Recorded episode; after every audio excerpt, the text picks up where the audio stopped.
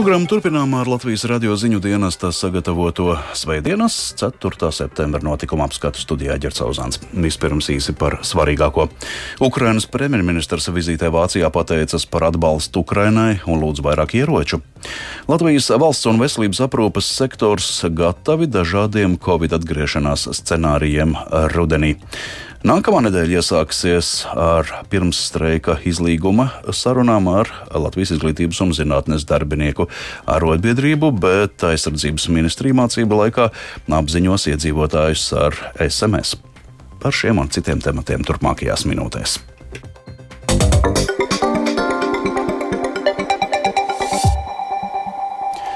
Ukrainas valdības vadītājs Denis Šmihaļs šodien vizītē Vācijā pateicās Vācijas prezidentam Frankam Walteram Steinmeieram un kancleram Olafam Šolcam par atbalstu Ukrainai. Šmihaļs ir augstākā Ukrainas amatpersona, kas kopš kara sākuma ir oficiāli apmeklējusi Vāciju. Tas parāda, ka attiecības starp Ukrainu un Vāciju pēdējā laikā kļuvušas ievērojami labākas. Savukārt Britu dienesti vēsta par disciplīnas problēmām un korupciju Krievijas armijas vienībās, kas karo Ukrainā. Plašāk stāsta Arķums Kanuhaus.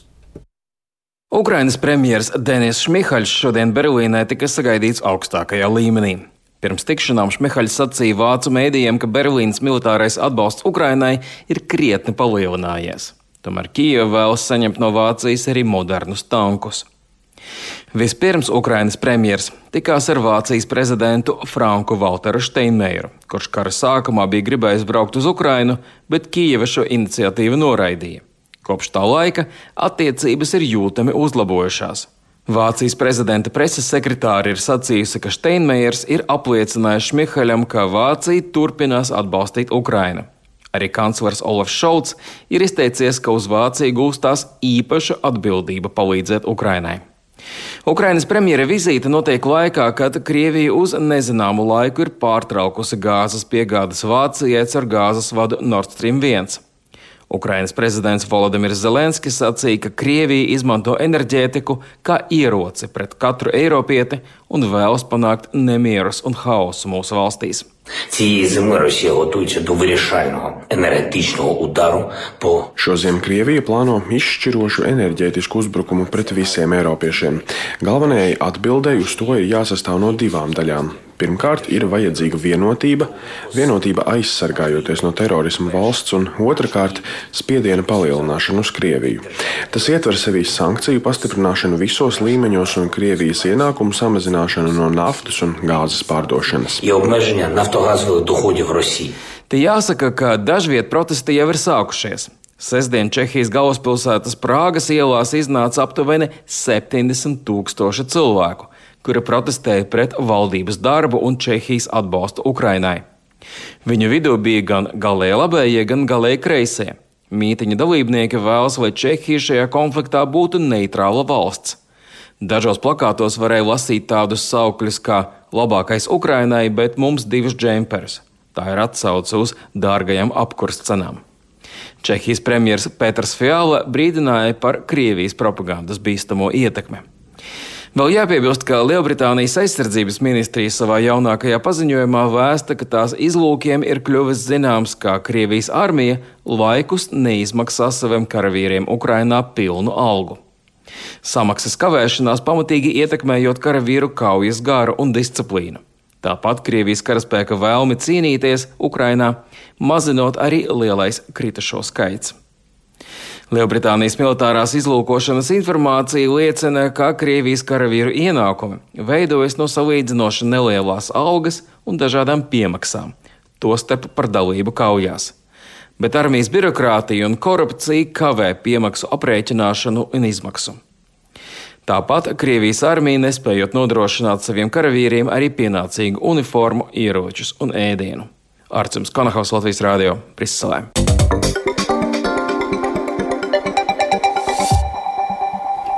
Latvijā saslimstība ar covid-19 pat laba neuzrāda strauju kāpumu, un rudenīgais laiks vīrusu vismaz šobrīd nestiprina.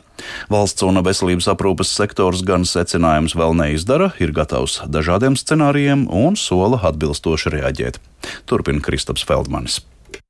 Darbs Covid apstākļos neatliekamās medicīniskās palīdzības dienestam nav nekas svešs. Arī šobrīd tas ir gatavs saslimstības rādītāju straujam un lielam kāpumam. Dienesta vadītāja Liena Cipula skaidro, pēdējās nedēļās gan saslimstība darbinieku vidū, gan došanās uz izsaukumiem, kas saistīti ar Covid, ir mazinājusies.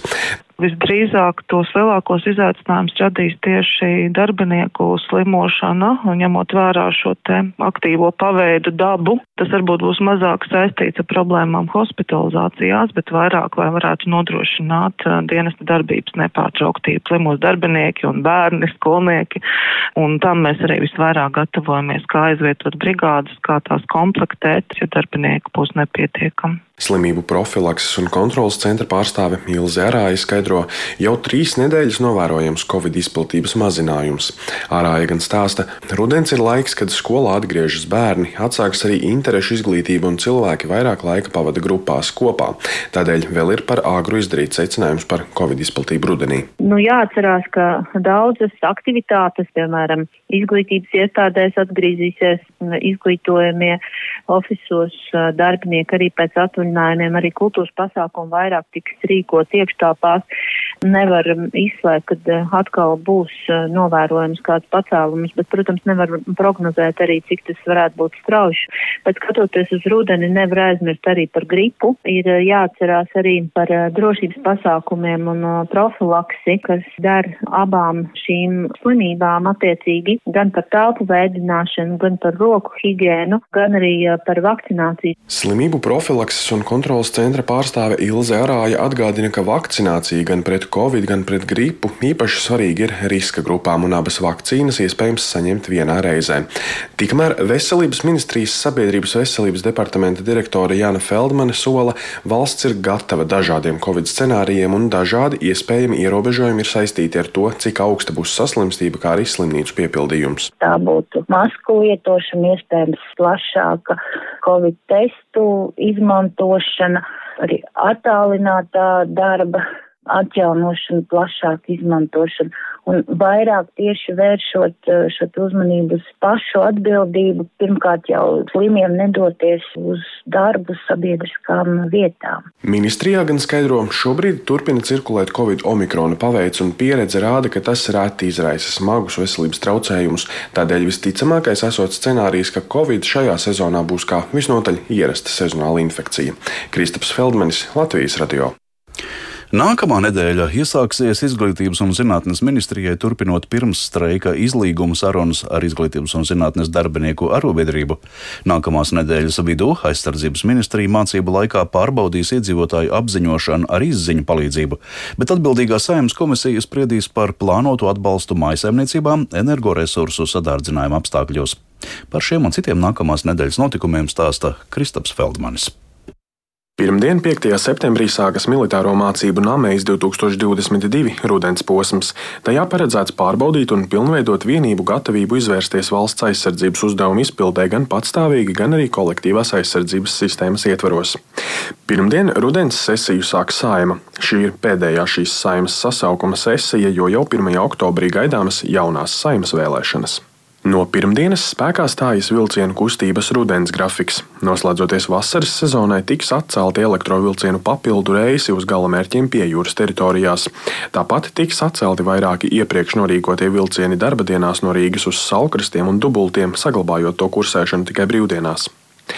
No pirmdienas atrašanās vietu maina Rīgas atbalsta centrs Ukrainas iedzīvotājiem. Turpmāk tas atradīsies Amatu ielā 4. Vēl pirmdien norisināsies jau otrās Latvijas izglītības un zinātnes darbinieku arotbiedrības pirmsstreika izlīguma sarunas ar Izglītības un zinātnes ministriju. Tajās abas puses cenšas atrast kompromisu, lai apmierinātu pedagoģu prasības un izvairītos no beztermiņa streika sākšanas. Gadījumā, ja kompromiss netiks atrasts, arotbiedrība streiku sola sākt 19. septembrī. Jāatgādina, ka pirmās izlīguma sarunas aizvadītajā otrdienā rezultātu nedeva. Par to Latvijas radio pastāstīja Latvijas izglītības un zinātnes darbinieku arotbiedrības vadītāja Inga Vanaga. Jā, lēmumi uz vietām tiek pieņemti, un mēs informēsim arī mūsu biedrus un arī tie, kuri nav biedri ka pirmās sarunas nedod praktiski nekādu cerības staru, lai valdība prastos un izpildītu spēkā esošas normatīvos aktus par uh, algas grafiku un ka valdība tomēr ir noskaņojusies kādus likumus pildīt un kādus nepildīt, izstrādājot nākamā gada budžeta projektu. Trešdien un ceturtdien Latvijas iedzīvotāji no sūtītāja Sarks LV saņems apziņošanas pārbaudas laikā izsūtītas īsziņas. Tas tiek darīts aizsardzības ministrijas mācību AMEX 2022 laikā ar mērķi pārbaudīt apziņošanas sistēmu valstī.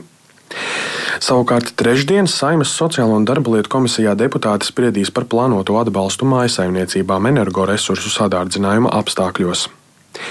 Piektdien astoņu partiju labklājības ministra amata kandidāti Rīgas domes sēžu zālē, kā arī tiešsaistē piedalīsies Latvijas samariešu apvienības rīkotā diskusijā par sociālo pakalpojumu sistēmas nākotni. Savukārt no Svētdienas, 11. septembra līdz pat 22. oktobrim Rīgas doma sadarbībā ar Sijā All Recycling organizē bīstamo sadzīves atkritumu nodošanas akciju. Iespēja nodot bīstamos sadzīves atkritumus bez maksas būs 11 Rīgas apkaimēs. Kristaps Feldmanis, Latvijas radio.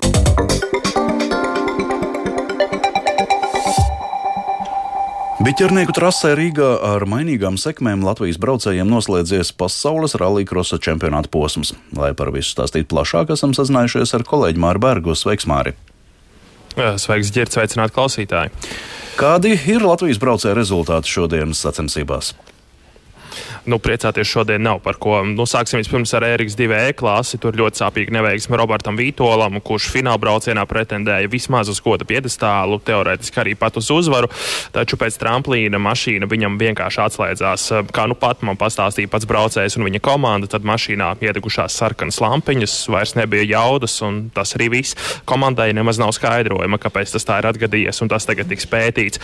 Tāpat Jānim Baumarim iekļūšanu finālā šodien arī liedza tehniskas ķibeles Ieles pusfinālā. Pēc starta viņš savā braucienā bija vadībā, taču aptuveni brauciena vidusdaļā latviešu braucējs ļoti strauji zaudēja tempu un pēdējos apļus vienkārši noripinājās līdz, finiša, līdz finišam. Um, kas īsti atgadījās pusfinālā ar viņa mašīnu, stāsta Jānis Baumanis. Pirmie trīs apli bija ok, un tad uh, trešajā, man liekas, aplī ejot iekšā mežā, gājas gāzes virsū un bija tāds pukšķis mašīnām. Tā, puh, Un uh, līdzīga skaņa, kā ir, kad izbeidzās turbīna, ko es pateicu pirms tam par televīziju, bet uh, nē, beigās tas ir interkulers. Interkulerim ir uh, atsprādzis vaļā. Visi, kas galvas nesaprot, kā tas varētu notikt, jo tas ir rūpnieciski ražots un, un, un uh, tā tam nevajadzēja notikt. Bet, nu, tās tas tehniskais sporta veids ir un uh, jā, tādas ir šoreiz beigas šim stāstam.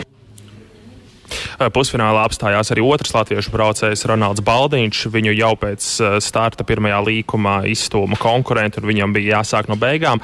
Viņš panāca konkurentus, taču apdzīt viņus vairs nebija pa spēkam. Klausāmies, kas pēc sacensībām bija sakāms Ronaldam Baldiņam.